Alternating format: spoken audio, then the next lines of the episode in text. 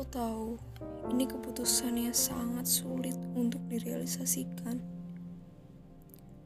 Aku tahu kalau sebenarnya kita sama-sama tak ingin berbeda jalan.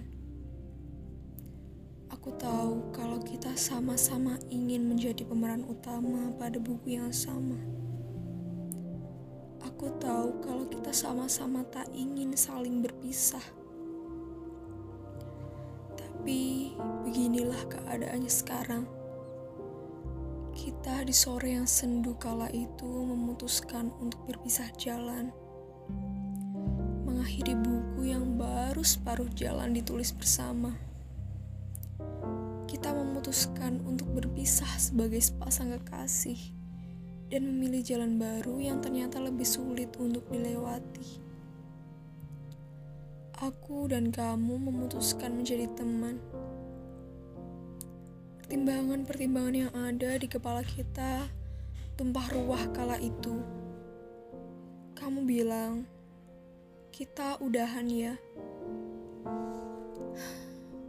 Aku masih terdiam begitu lama sampai kamu melanjutkan ucapanmu. Kalau kamu harus fokus pada mimpi-mimpimu dan aku pun harus tetap memegang erat apa yang sudah kutulis terlebih dahulu. Kuhala nafasku perlahan dan menyetujui ucapanmu. Aku bilang padamu kalau aku memang tak seharusnya menghambat jalanmu. Jaga diri baik-baik. Aku akan selalu menjadi sahabatmu. Begitulah bagaimana sore itu begitu sendu. Namun aku pulang dengan perasaan lega karena kita akhirnya membuat keputusan. Setelah hubungan ini terombang-ambing begitu lama.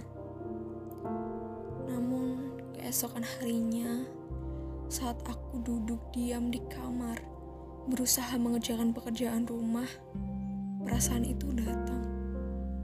Rasanya hampa, begitu hampa Rasanya begitu sesak sampai aku tak tahu harus bagaimana. Tak ada lagi notifikasi di layar handphoneku. Tak ada lagi orang yang berusaha menjailiku. Tak ada lagi kamu. Sesederhana itu, namun rasanya menyakitkan.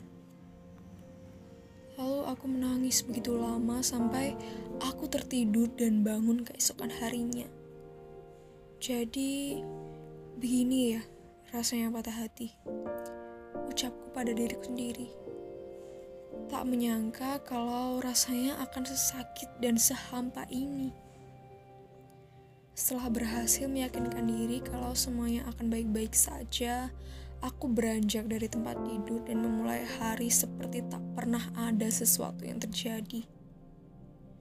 Dan begitulah aku sampai hari ini tetap baik-baik saja dengan keputusan untuk saling pergi.